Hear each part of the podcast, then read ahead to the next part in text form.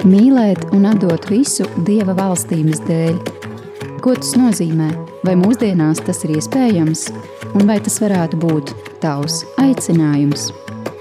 Priesteru un konsekrēto personu liecības par atbildi Jēzus aicinājumam, atstāt visu un sekot viņam, raidījumā Aicinājuma ceļš, Dievam veltīta dzīve.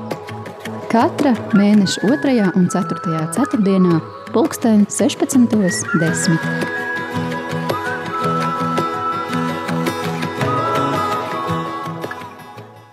Dārgie rādījumi, arī Latvijas klausītāji. Raidījums vēl tikai sāk skanēt. Kristus ir augšām cēlies. Prieks jūs sveikt šajā lieldienu oktāvas laikā, kad izskan arī mūsu raidījums par priesteru un konsekrēto atbildi Dieva aicinājumam. Ar jums kopā kā vienmēr māsa Anna un māsa Gunta.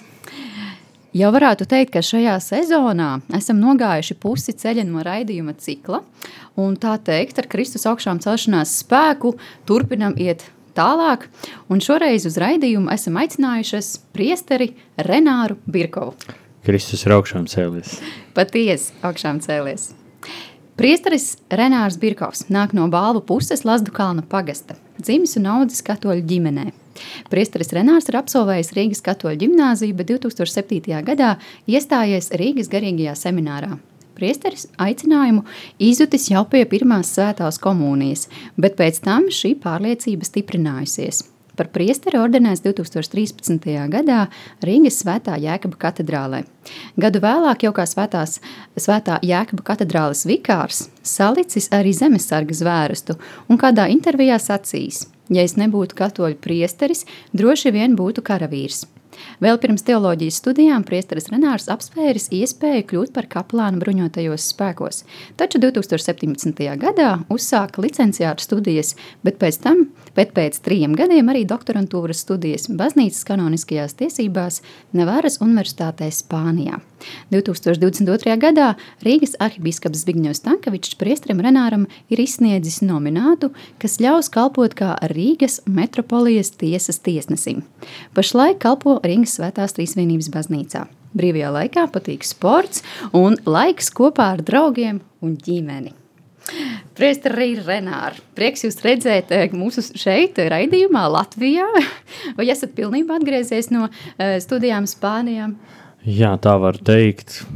98 vai 99%, jo man ir palikusi vēl doktora darba aizstāvēšana, kas būs šī gada 27. aprīlī, var sakot, pēc dažām nedēļām. Mm. Neticami ātri pienācis laiks, un, jā, un pēc 27. aprīļa var teikt, ka jau atgriešanās Latvijā būs par 100%.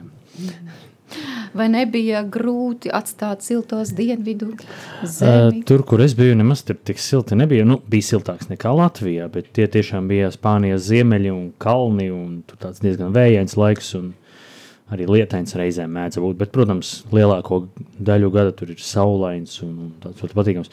Bet ne, ne jau, ne jau dēļ saulītes viņu žēl atstāt, bet gan, gan tā, tā skaistā un labā un jauki iepazīto cilvēku, lai drīzāk ir nedaudz tā skumīgi atstāt. Tā kā mūsu raidījuma tēma ir aicinājums, tad varbūt arī ķersimies, kā saka, vērsim pie ragiem. Varbūt tas arī tad var jūs varētu pastāstīt par mm, savu bērnību, nedaudz jaunības gadiem, kā sadzirdējāt aicinājumu? Ar jā, bērnību un aicinājumu, tā kā, protams, tā kā katoļu ģimene jau nokristīts biju triju nedēļu vecumā, un, un tā, un uz baznīcu lielākos baznīcas svētkos tiku vests, un, uh, Un tas viss tāds, eh, protams, nedaudz atmiņā ir palicis. Baznīca vienmēr saistījās ar kaut ko tādu ļoti tādu interesantu, kaut ko noslēpumainu. Bet nu, ne jau uzreiz, ka tur bija būt priesteris un tur visā būt iesaistīts, bet likās, ka tur kaut kas tāds ļoti interesants ir. Un um, bieži vien bija tā, ka līdz manai pirmajai komunijai, līdz trešajai klasei, uh, Pārsvarā nācās redzēt tādus gados priesterus. Nu, domāju, nu, ka priesteris tas ir tāds nu, gados onkulītis, un, nu, vārdu sakot, man pa lielam nekas nav pa ceļam ar to. Jo, es domāju, droši, droši bija arī citas idejas, ko darīt un tā tālāk. Bet kaut kā bija sanācis, ka jau tad, kad man bija pirmā komunija, mūsu draudzē bija tāds jaunāks priesteris, kurš pats brauc ar mašīnu, ļoti interesēja viņam tehnoloģijas, bija priesteris Feliks Šneveļs. Un, uh, Un es domāju, oh, tas gan ir interesanti, ka to var tā savienot. Priesterība tas kaut kas liekas tiešām ļoti interesants ar kaut ko ļoti tādu tehnisku. Jo nu, arī tehniskas lietiņas man arī nedaudz interesē, kā mazam puikam.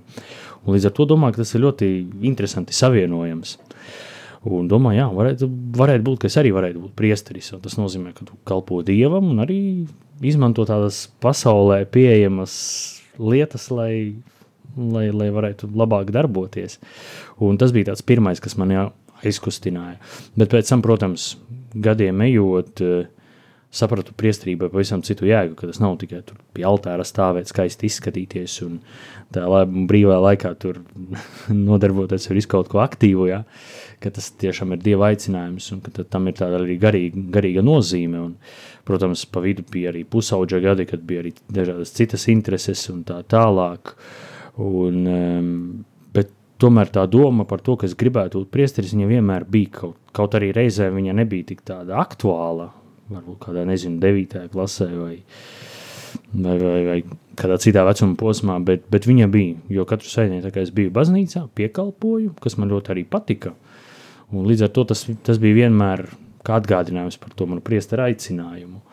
Kaut arī bija arī citas nodarbības, kā ar sportu, vai basketbolu spēlēju pamatskolā, vai tāpat arī bija citas nodarbošanās pēc tam jau 9. klasē, visādām jauniešu uzdzīve, pusauģu uzdzīve, tas, protams, tā ar to manu aicinājumu uz priesterību bija ļoti maz saistīts.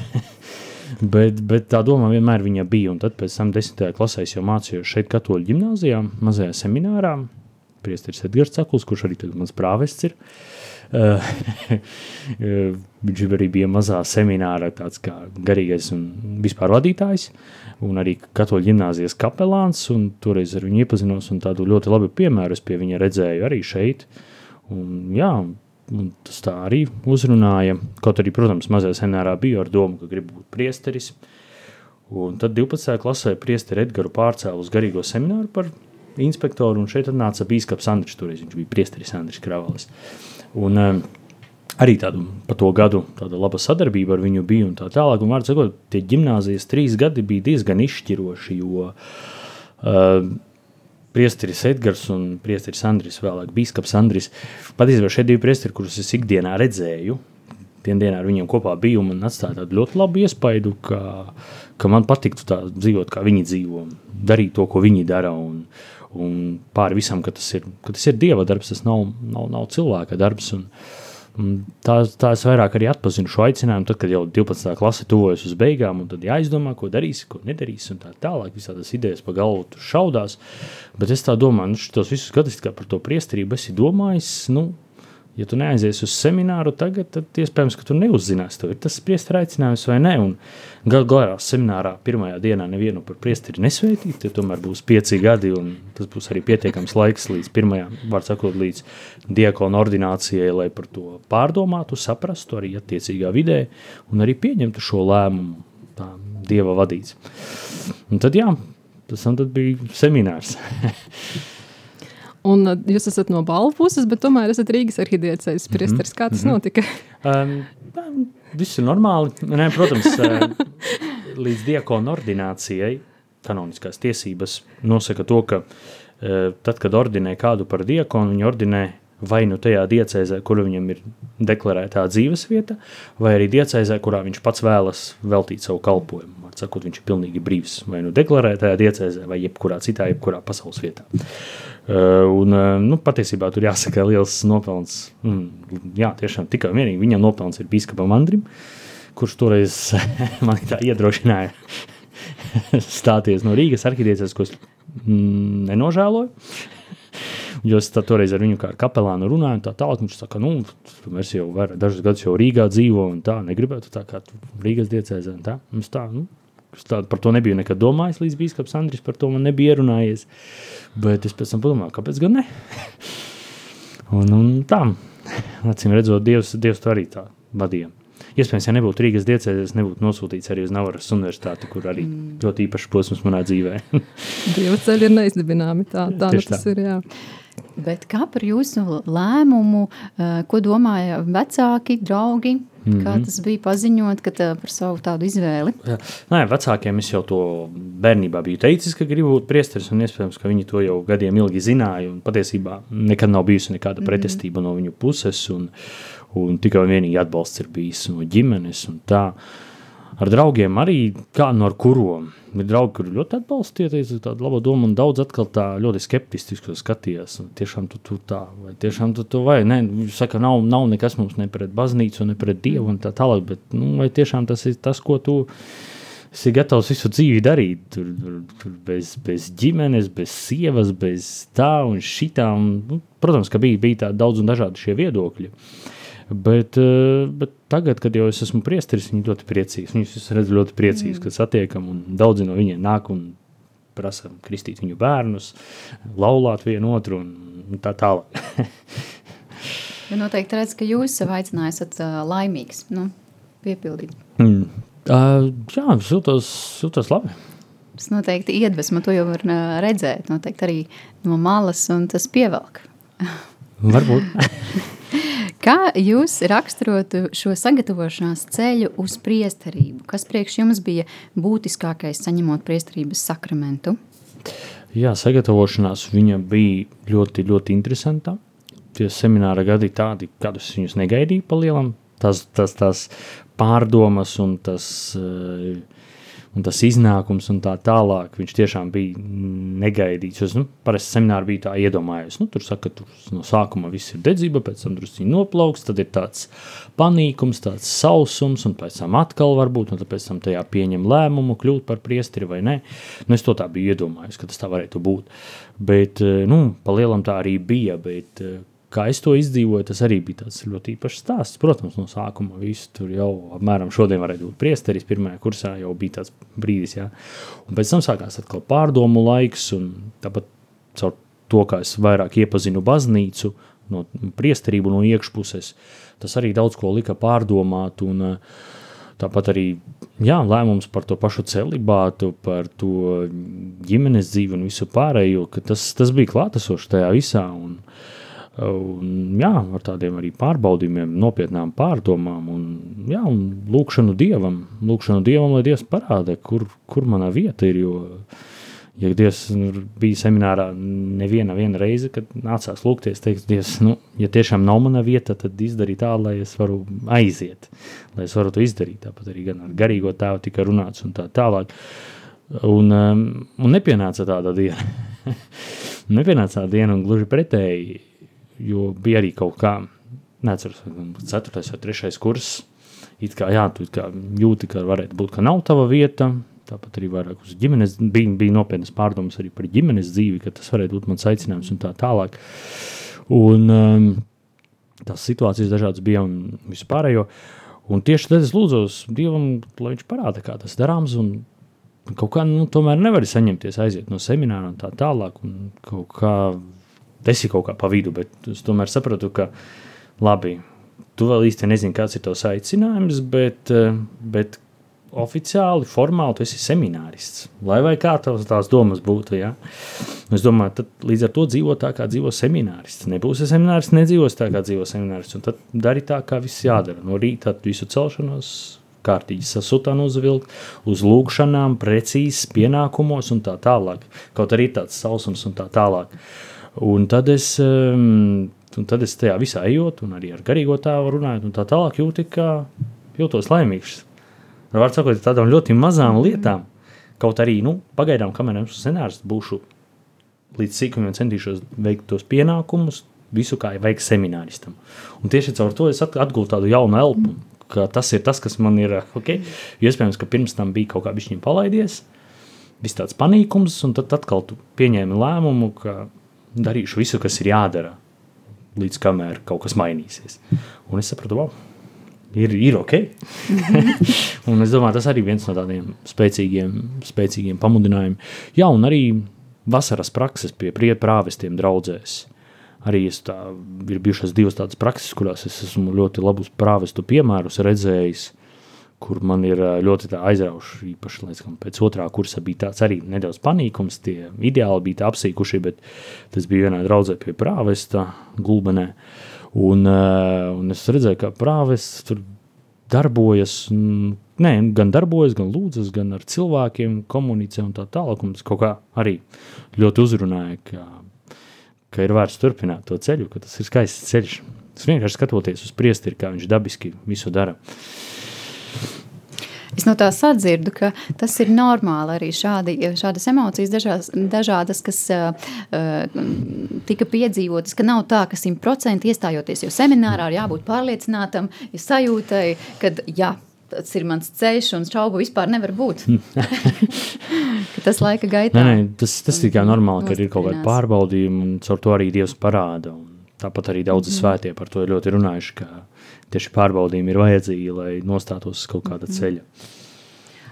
Un, ja puisis, piemēram, nejūt šo gadu laikā, nu, līdz, tam, līdz solījumiem, līdz diakonu tām uh, ordinācijai, ordinācijai, tad uh, viņam ir, viņš var mierīgi atstāt arī semināru. Jā, tieši tā, jo mm. tas ir tikai normāli, ka viņš ir varbūt domājis, ka viņam ir aicinājums, bet viņš atklāja viņš vai varbūt reizēm pat caur semināra vadību vai caur garīgo tēvu un caur to ikdienas dzīvi un lūkšanu viņš saprot, ka gluži tas tā nav tas ir tikai normāli, ka šis semināra formācija tiek pārtraukta un, jā, un viņš dodas citos ceļos. Priesteris Renārs Birkovs šodien raidījumā aicinājuma ceļš Dievam veltīta dzīve. Klausīsimies viņa mūzikas izvēli.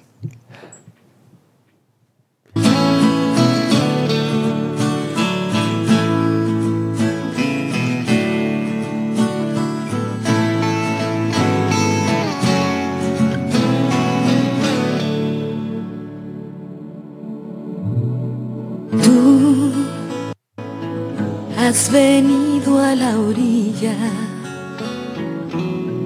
no has buscado ni a sabios ni a ricos, tan solo quieres que yo te siga. Señor, me has mirado a los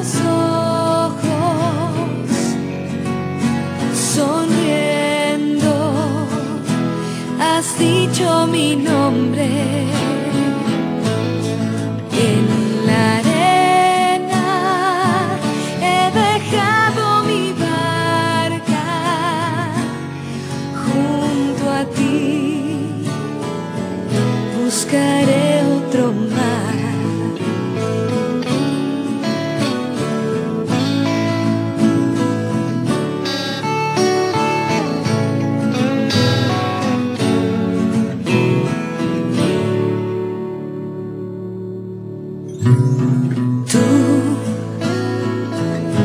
sabes bien lo que tengo en mi barca. No hay oro ni plata, tan solo redes y mi trabajo.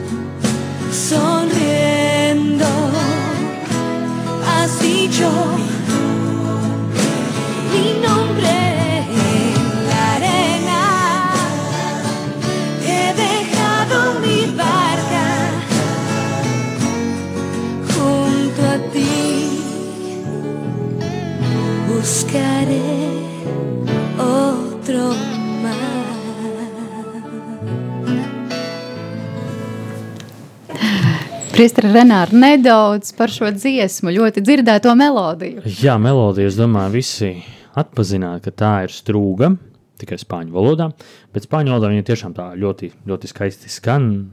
Un, eh, jā, Spānijā jau, es domāju, viņu pirmajās dienās, kad es studēju tur, jau dzirdēju šo dziesmu. Un, eh, kas ļoti īpaši bija tas, ka es pirmo reizi šo dziesmu dzirdēju svētajā misē, tajā kolēģijā, jeb tajā studentu viesnīcā, studentu priesteru viesnīcā, kur es kādreiz dzīvoju. Tad uh, tur tikai priesteri misē piedalās, un visi priesteri mēs tur ejam pie komunijas, un šī dziesma skan, un es domāju, ka skaisti, ka tā visi priesteri, viens tur Melnādanais, viens no Eiropas, viens no Āzijas, un no dažādām vietām, bet tā ir viena un tā pati priesterība, un vēl skan strūga fonā, spāņu valodā, tas kaut kā, wow, bija ļoti emocionāli. Bet tagad mūsu sarunā, kā ierasts, netais, netieši iesaistīsies kāds cilvēks, kas par jums ir sacījis. Būs jāpasaka, kurš. Bet būs viegli. Domājot par priesteri Renāru, bieži atceros senu teicienu no nākamo priesteru formācijas. Ja gribi būt labs priesteris, centies palikt labs seminārists. Eh, Kāds tagad esi? Pazinu priesteri Renāru gan Rīgas katoļu ģimnāzijā, gan seminārā, un tagad priecājos, ka varam vismaz kādu laiku kopā strādāt. Uzskatu, ka visos formācijas posmos priesteris Renārs ir tikai audzis, tātad kļuvis arvien labāks.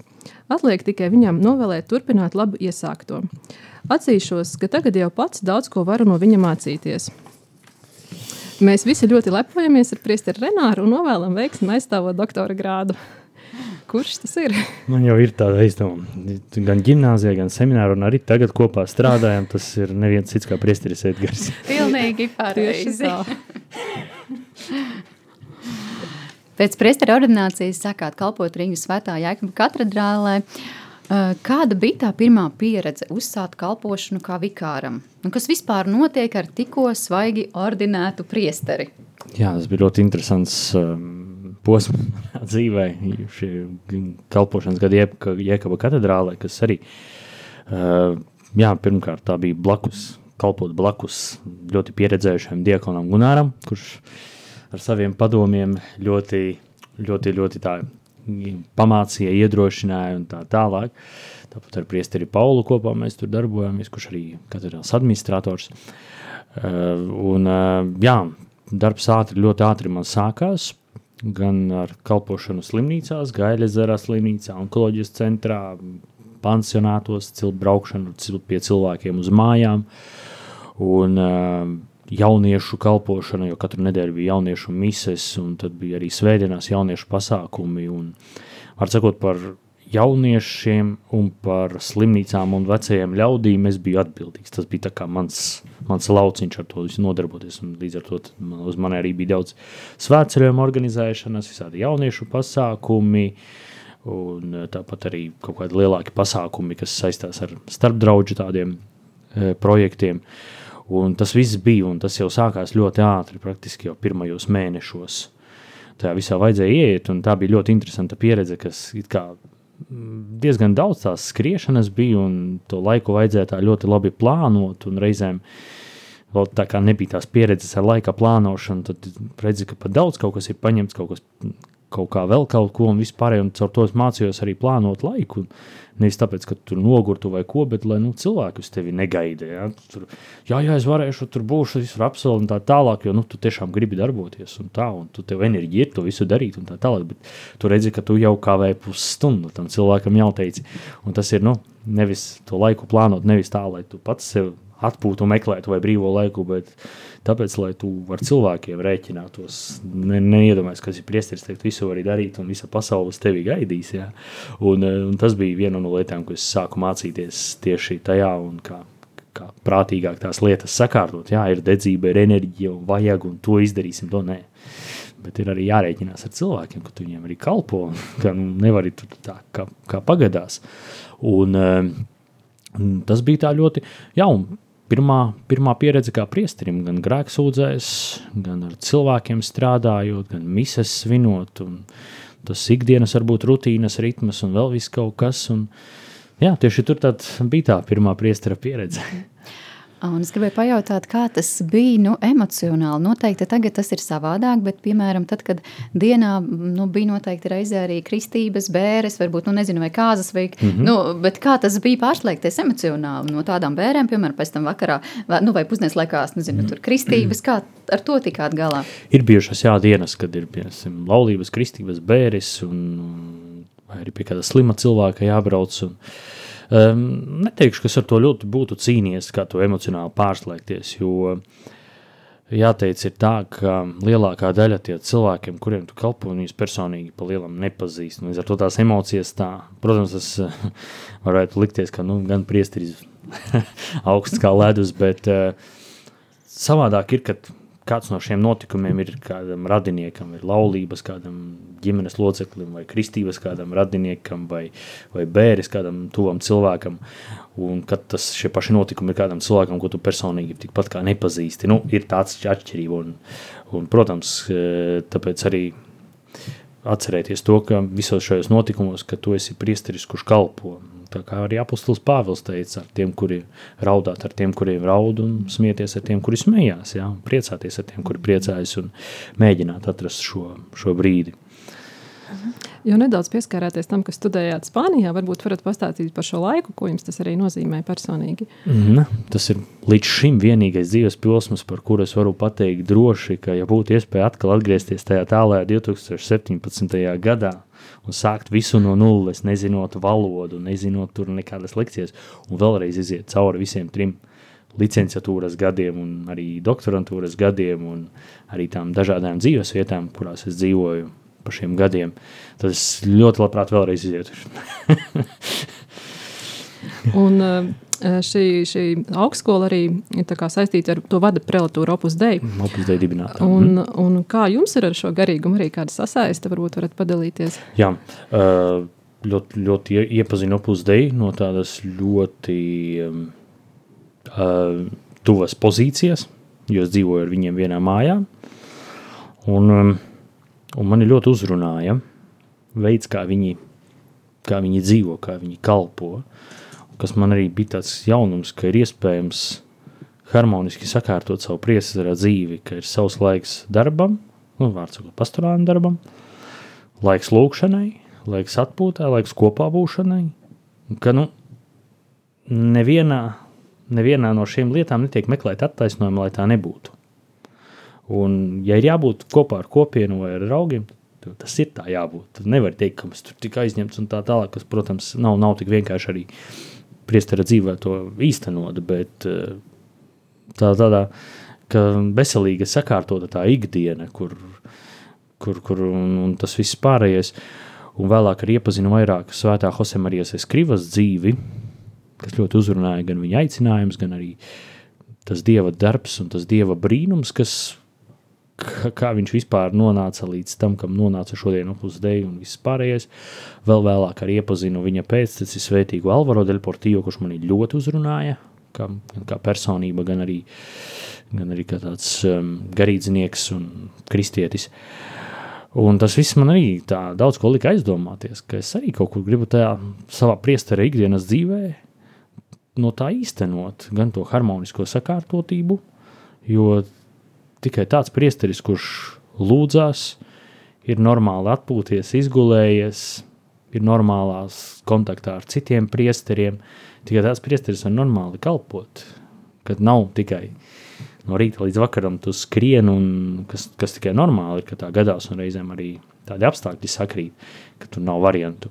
Bet, eh, jā, ka tu atpūties un tiecies ar, arī ar citiem priesteriem, lūdzies, kas ir lūkšana, kas vispār visa pamats ir priesteriem un misas svinēšana. Un tas, tas tikai dod tādu labu pamatni, lai tu varētu arī kalpot un darīt tos pastorālos pienākumus. Un ka, ka pastorālais pienākums pie viņiem iemācījos, ka tas nav numur viens un ka viss pārējais ir jānoliek malā, kā man patiesībā no sākuma likās, ka tas primārais vienmēr ir iet, kalpot, darīt, un vienalga esi kāds esi, bet, bet ka primārais ir tavā saikne ar Jēzu. Kā tu svini svēto misi, kā tu piedalies, eh, lūk, lūk kā, kā, kāda ir tava lūkšana dzīve, gan stundu liturģijas lūkšanas, kas ir obligātas priesteriem, gan iekšējā lūkšana, rožu krolis un, kā tur jēzu dzīvo kopā, un no tā arī daudz kas izriet. Ko nozīmē svētdarīt darbu? Svētdarīt darbu tas nozīmē savā ikdienā, savu darbu. Katram cilvēkam savs profesionālais darbs. Priesterim, vai skolotājam, vai ārstam, vai celtniekam, vai arhitektam, visas profesijas. Kad cilvēks darot savu darbu, pirmkārt šo darbu dara iespējami labi, tehniski. Nu, tik cik viņa spēkos, izglītojas, lai viņš varētu vēl labāk to darīt, attīstās. Šo darbu veids, tas ir pirmais, jā, tehniski labi. Otrkārt, viņš viņu veids saskaņā ar dieva baušļiem, ar ētikas normām. Ar cekot, ka ir iespējams, protams, darbu tehniski labi darot, bet neievērojot dieva baušas, vai ne? Tad tas ir otrais, un trešais ir to visu veltīt dieva godam. Var sakot, arhitekts savā birojā vai, vai ceļu policists vai būvinženieris vai ārsts, viņš dara to, kas viņam jādara, un ka tas ir mm -hmm. viņa, un viņš to dara saskaņā ar dieva gribu, kā arī caur to viņš var darīt arī dieva darbus. Arhibīskaps Zbigņevs Stankevičs ir izsniedzis jums nominātu, um, ar kuru esat nozīmēts būt par baznīcas tiesas tiesnesi Latvijā. Ar ko nodarbojas baznīcas tiesnesis?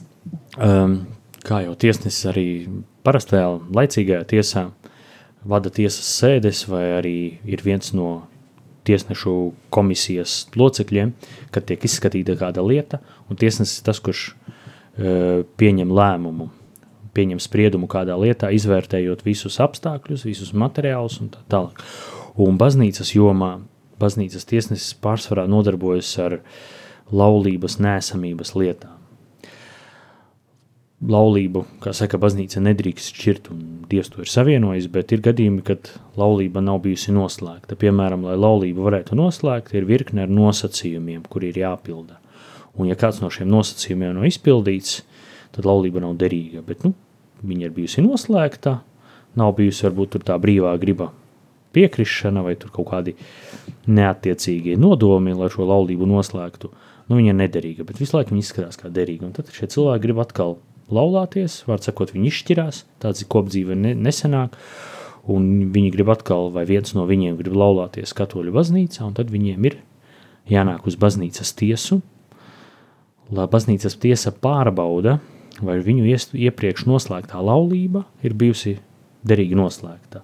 Un tad baznīcas tiesnesis tiekas gan ar abām pusēm, cik tas ir iespējams, tiekas ar lieciniekiem, ja ir vajadzība arī pieslēdz kādu arī ekspertu, kas bieži vien ir psihologs vai psihiatrs vai ārsts, ja ir nepieciešamība.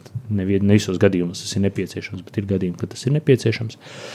Un jāsavāc maksimāli iespējamās detaļas, un tad tiesnesis vairākumā laulību lietu ir trīs tiesneši vienai lietai, un tad šie trīs tiesneši sanāk kopā, izpēta visus materiālus un pieņem lēmumu, kas ir arī spriedums. Šī laulība bija derīgi noslēgta vai nebija derīgi noslēgta. Un ar to nodarbojas baznīcas tiesnesis. Un tad jūs arī esat uzsācis praktiski šo darbību, šo kalpošanu? Jā, es jau esmu uzsācis. jau praktiski. Jo, nu, kā jau bieži vien daudziem saku, ka teorētiski es to esmu apguvis. Gan to, kā jānorit procesam, gan arī par laulību lietām, un derīgumu, un nederīgumu, un principiem un prasībām.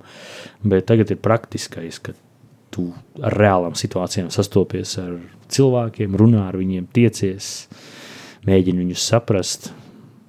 Vai ir daudz darba? Pietiek. Pietiek. Cik apmēram ilgi ilgs tādas viens gadījuma mm, izskatīšana? Jo viena lieta ir iesniegt tiesā šo prasību, Un, e, iesniedzot šo prasību, tad šī lieta tiek ielikta rindā. Atsakot, jau ir citas lietas, kas jau ir iepriekš iesniegtas un gaida savu kārtu, kad viņā pienāk. Un tad, kad pienāk kārta, tad ir, tas ir atkarīgs no tā, kā veicas ar, ar puš, e, vienas vai otras puses intervēšanu, vai liecinieku intervēšanu, vai ekspertīzēm un tā tālāk. Un bieži vien tas pie dažiem mēnešiem var aiziet, bet viss kopā Tas ir atkarīgs no kā kurā tiesā, bet var gadīties tie, tie ir gadi. Pirmkārt, tie ir divi vai trīs gadi, kad ir jāgaida, kamēr pienāk rinda. Un tad, kad pienāk rinda, tie ir varbūt kādi trīs, varbūt mēneši optimāli. Nu, tas nenozīmē, ka visiem gadījumiem tā ir. Kā saka, katram gadījumam ir individuāli, cik ilgi viņam veicas ar to materiālu savākšanu, lai varētu tiesnesis nonākt pie, pie tādas pārliecības, ka tur ir vai nav. Vai baznīcas uh, tiesai ir arī kaut kāda saistība ar valsts tiesu? Nē, tāpat kā baznīca no valsts ir šķirta, tad arī baznīcas tiesa ar valsts tiesu ir divas dažādas institūcijas. Vai jūs varētu arī nedaudz paskaidrot, kāda atšķirība ir starp Rīgas metropolijas un starp diecēžu tiesu? Mm -hmm. Sākšu ar to, ka katrā pēc kanoniskajām tiesībām paredzēts katrā diecēzē ir tiesa. Un tur, kur ir arhidiecēze, tur ir metropolijas tiesa. Un atsevišķi pārējās diecēzēs tā ir diecēzes tiesa. Bet ir gadījumi, kad katrā diecēzē nav iespējams izveidot tiesu, tad vairākas diecēzes var veidot vienu tiesu kas ir arī Latvijas gadījumā noticis, ka Rīgas arhidiecēze ir sava tiesa, kas ir Rīgas metropolijas tiesa šeit, un e, pārējām Latvijas diecēzēm, kas ir pārējās trīs Latvijas diecēzes, viņām ir viena tiesa, kas ir starpdiecēžu tiesa. Šajā redzējumā mēs parasti ložam arī tādus dažādus stereotipus un uzdodam varbūt tādus ne, neparastākus neparastāk, jautājumus. Uh, un, uh, es domāju, ka daudzus arī uzdo, cilvēks varētu nodarbināt tāds jautājums, kā ir ar priesteru atalgojumu. Piemēram, jūs stāstat, jūs esat bijis vikārs, jūs esat tiesnesis, vai jūs par to saņemat arī kaut kādu finansiālu atlīdzību? Jā, par katru priesteri viņa bīskaps ir atbildīgs, no kā viņš dzīvos. Un tad arī parasti bieži tas ir, tad, kad priesteris kalpo draudzē, tad ir no draudzes šī šis atalgojums, un, eh, vai arī tiesā, vai arī seminārā, kā pasniedzējs, tad arī normālos gadījumos tas tā ir. Par to jau no sākuma pats biskups arī domā. Kad viņš nozīmēs to priesteri tur vai tur, tad no kā viņš, no kā viņš iztiks. Mm -hmm. Un kā ir piemēram ar pensiju uzkrājumiem, vai arī par tādām lietām priesteri domā? Jā, ir jādomā. Bet tagad, lai izskan priestera izvēlētā dziesma.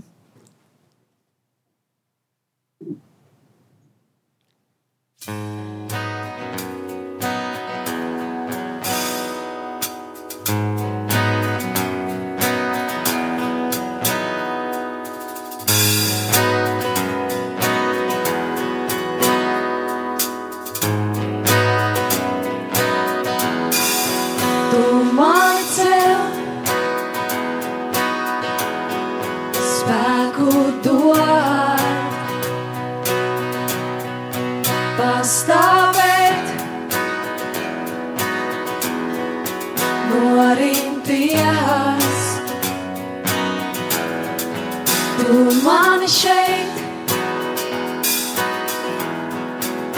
uzlūko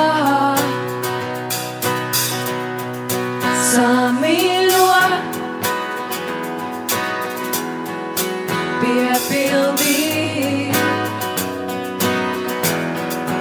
Tu mani nes, kad esmu vājš, atjauno prieku dod. Pielūdzu tevi, svētais Dievs, slavēju tevi no visas savas sirds. Tu ķēniņš pār visiem, gods lai tev atdos, priekā pateicos.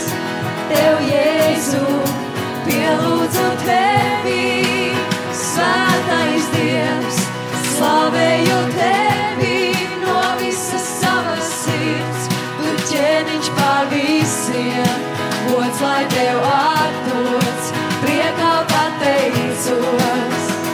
Tev, Jēzu, tu pasargā,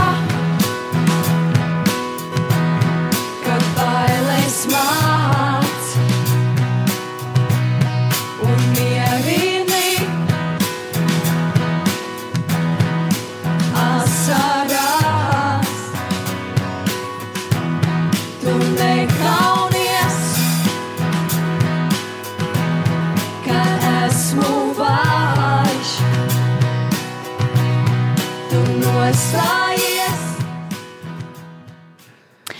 Nedaudz pameklējot informāciju par jums, interneta resursos bija atrodams tāds 2014. gada raksts un neliela intervija ar nosaukumu Zemesardzē šogad iestājušies gan studenti, gan mācītāji. Kas jūs mudināja salikt zemesarga zvērestu, jo zem šīm koda mācītāji, cik es saprotu, arī ir priesteri?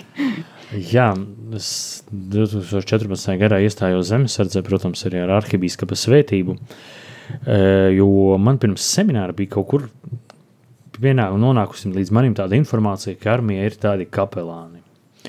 Un ka viņi tur arī vien, vien var sakot, arī paši ir armijā, paši ir arī attiecīgi dienestā, un viņi pilda atsevišķus šos kapelāna pienākumus, un kas arī man likās tā ļoti, ļoti interesanti, un, un tu, tur arī, arī pēc tam semināra gados apsvēru šo domu, ka varētu būt arī kā profesionālā dienestā kapelāns, bet nu, tur tie plāni bišķi pamainījās, un tur arī situācijas pamainījās, bet pēc tam radās iespēja iestāties zemes sardzē, un uh, reizi mēnesī, nedēļas nogalu vai arī tikai vienu sestdienu pavadīt kopā ar zemesargiem mācībās, apgūstot jā, arī militārās iemaņas, bet tajā pašā laikā arī iepazīstoties ar, ar zemesargiem savā rotā, savā, jā, savā bataljonā vispār. Un, un tāpat arī ņemot vērā to, ka viņi zina, ka, ka, šie, ka es esmu kapelāns un tā tālāk, kaut arī šodien, šajās dienās arī notiek dažādi pasākumi Nacionālo bruņoto spēku kapelānu dienestam, kurš svin šogad savu 30 gadu jubileju. Un šodien bija viena konference Nacionālā aizsardzības akadēmijā, un rīt Marijas Magdalēnas baznīcā ir arī ekumeniskais dievkalpojums.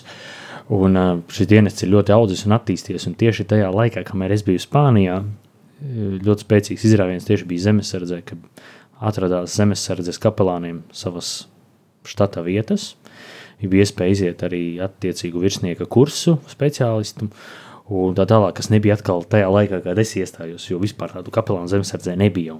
Man vajadzēja kaut kā noformēt, un es oficiāli skaitījos nu, kainieku rotā, kainieks. Un, eh, bet, nu, visi zināja, ka esmu priesteris, var sakot, tad, kad bija kaut kādi pasākumi, svinīgie pasākumi bataljonā vai arī citās vienībās, tad arī mani aicināja kā kapelānu vadīt tur pasākumu vai pateikt, novadīt kādu svētbrīdi vai dievkalpojumu. Un tāda bija šī pieredze. Tā pavisam īsi varbūt, ko puišiem um, sniedz tāda militārā formācija un pieredze? Um, pirmkārt, viņa uh, sagatavo, sagatavo ikvienu puisi, vai arī jebkuru cilvēku, kurš grib dienēt, uh, sagatavo valsts aizsardzībai. Ka, protams, tas nenozīmē, ka karš būs un vienmēr ir jālūdzas, lai tas tāds nebūtu, bet vienmēr jābūt gatavam aizsargāt savu, savu valsti, savu zemi, pirmkārt jau savu ģimeni. Un es domāju, ka puisis, kurš ir apzinās un apzinās, kāds ir viņa pienākums pirmkārt jau viņa ģimenes priekšā, pēc tam arī visas Latvijas priekšā, tad tas ir ļoti noderīgi, ka viņš apgūst šo, šīs militārās zināšanas kaut vai tādā ļoti elementārā līmenī, un eh, tas arī viņu pašu dara daudz motivētāku, jā, arī pašapziņu ceļu un uh, dot tādas ļoti arī praktiskas iemaņas. Jūs jau esat desmit gadus priesterībā.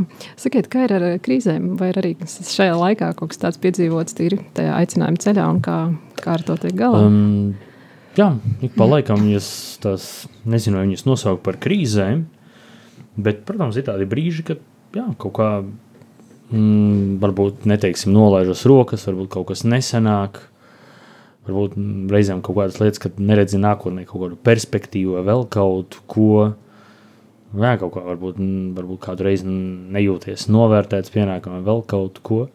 Kad, protams, tie ir brīži, kas ik pa laikam viņi, viņi uznāk. Viņi, viņi ir dabiski. Vai un kā priesteri viens otru atbalsta? Jūs runājat, cenšas. cenšas, jo to jau mums seminārā centās daži priesteri teikt, ka nu, priesterim nav citā atbalsta punkta, tāda skatu punkta, kur, kur kā saka, tāda atbalsta punkta kā cits priesteris, jo priesteri nesapratīs labāk neviens kā otrs priesteris, un tāpēc ir ļoti jau seminārā, varbūt ne, ne visi, bet varbūt arī bija teikts, ka cen, cenšas priesteri ar priesteriem draudzēties, ja var sakot jau seminārā, lai sāk draudzēties, jo tie būs uh, nāko visas dzīves garumā, iespējams, kā priesterim tāds arī visspēcīgākais atbalsta punkts, un, un ko es varu pateikt, ka ar draugiem, kas, ar kuriem es draudzējos pamatskolā, pēc tam vidusskolā. Protams, ar viņiem ir labas attiecības tā tālāk, bet tas kontakts ir kaut kā drusku, varbūt esam atsvešinājušies un tik bieži nekontaktējamies, bet savukārt tie draugi, ar kuriem es sadraudzējos seminārā līdz pat šai dienai, vienmēr mums ir par ko runāt. Vienmēr meklējam, nu nevienmēr, bet cik ir iespējams, meklējam ie- iespējas satikties un, uh, un, un redzu, ka tas ir tāds, tā- tāda, tāda laba lieta. Kā ir ar brīvo laiku, vai vispār priesterim tāds ir, un ja ir, tad kā jūs viņu labprāt izmantojat? vai tas ir mīts, ka, piemēram, priesterim nav brīvā laika, viņš neatpūšas, ka nav atvaļinājumu, vai tā ir, ir patiesība? Viss, viss ir notiek tāpat kā ik viens cilvēks, arī priesteris reizes gadā var ņemt atvaļinājumu šīs 30 dienas, un arī reizi nedēļā tiek ieteikts, ka viņš tomēr eh, cenšas atrast kaut kādu laiku, lai nedaudz atslēgtos no tās ikdienas slodzes un, un, un tā pavadīt šo laiku kaut kam, kaut kam citam. Kas jums visvairāk sagādā prieku vai to atpūtu, kā at, atrelaksēties, atpūšaties? Daudz un dažādu veidu. Nu, es parasti reizi nedēļā, kad izdodas, cenšos noskriet desmit km. Vismaz reizi nedēļā, ja divas reizes nedēļā tas izdodas, tas ir lieliski. Tas es parasti vai nu, vai nu no rīta vai vakarā. To es cenšos darīt. Eh, Tāpat arī jā, satikties ar draugiem, ar tiem pašiem priesteriem, ar kuriem kādreiz tāds labs kontakts varbūt ir izveidojies semināra gados. Un, protams, mēs jau arī katru, kur nu kurais esam arī dažādās Latvijas vietās. Tas nav tā, ka es man šodien divas stundas brīvas aizbraukšu pie mana drauga uz Latgali vai, vai šeit pat Rīgas diecēzē uz attālāku nostūri. Jā. Tas arī nav tik vienkārši, tam arī jāsaplāno laiks, lai to varētu izdarīt. Un tas ir lielāks brīvais laiks. Tāpat arī aizbraukt pie vecākiem, kas jau ir uz Latgali, tas arī nav divu stundu jautājums. Tam arī bieži vien vajadzīga viena diena vai pusotra diena. Un, eh, tā arī tas brīvais laiks paiet. Ko jūs ieteiktu pušiem, kuri domā par aicinājumu, varbūt kaut kāds iedrošinājums?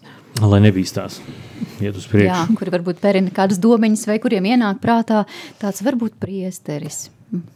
Um, vajag mēģināt, vajag mēģināt, un pirmkārt ar lūkšanu vērsties pie Dieva. Un tāpat arī atrast kādu priesteri, kuram uzticies. Visbiežāk tas ir arī draudzes prāvests vai priesteris, kurš kalpo tajā draudzē, kur šis jauneklis draudzē, kurā viņš pieder. Un uh, jā, runāt arī ar šo priesteri un, un meklēt šo atbildi, vai, vai ir šis priestera ceļš vai, vai nav. Un Dievs tad jau parādīs. Galvenais ir nenobīties un meklēt. Un, kā saka, nekas slikts nenotiks. Priestara Renāra, mums ir liels prieks, ka atradāt laiku un vēlējāties padalīties ar mums un visiem klausītājiem savā aicinājuma stāstā. Jā, Um, tiešām paldies par tādu iedrošinošu, manuprāt, ļoti viegli. Nu, mani, tas, mani tas iedvesmoja. paldies, paldies tev arī, arī tev, dārgais rādījuma, arī Latvijas klausītāji, ka bija kopā ar mums un novēlu mums visiem īstenot opus dēļ dibinātāja svētā Hosemarijas Eskriva teikto. Starp šīs zemes materiālajām lietām mums ir jākļūst svētiem, kalpojot Dievam un cilvēkiem. Raidījumu veidoja māsa Gunta un māsa Anna pie skaņa pults Aija Avotiņa. Lai mums visiem svētīgs ceturtdienas vakars, uz tikšanos pēc divām nedēļām. Izskanēja raidījums Aicinājuma ceļš Dievam veltīta dzīve.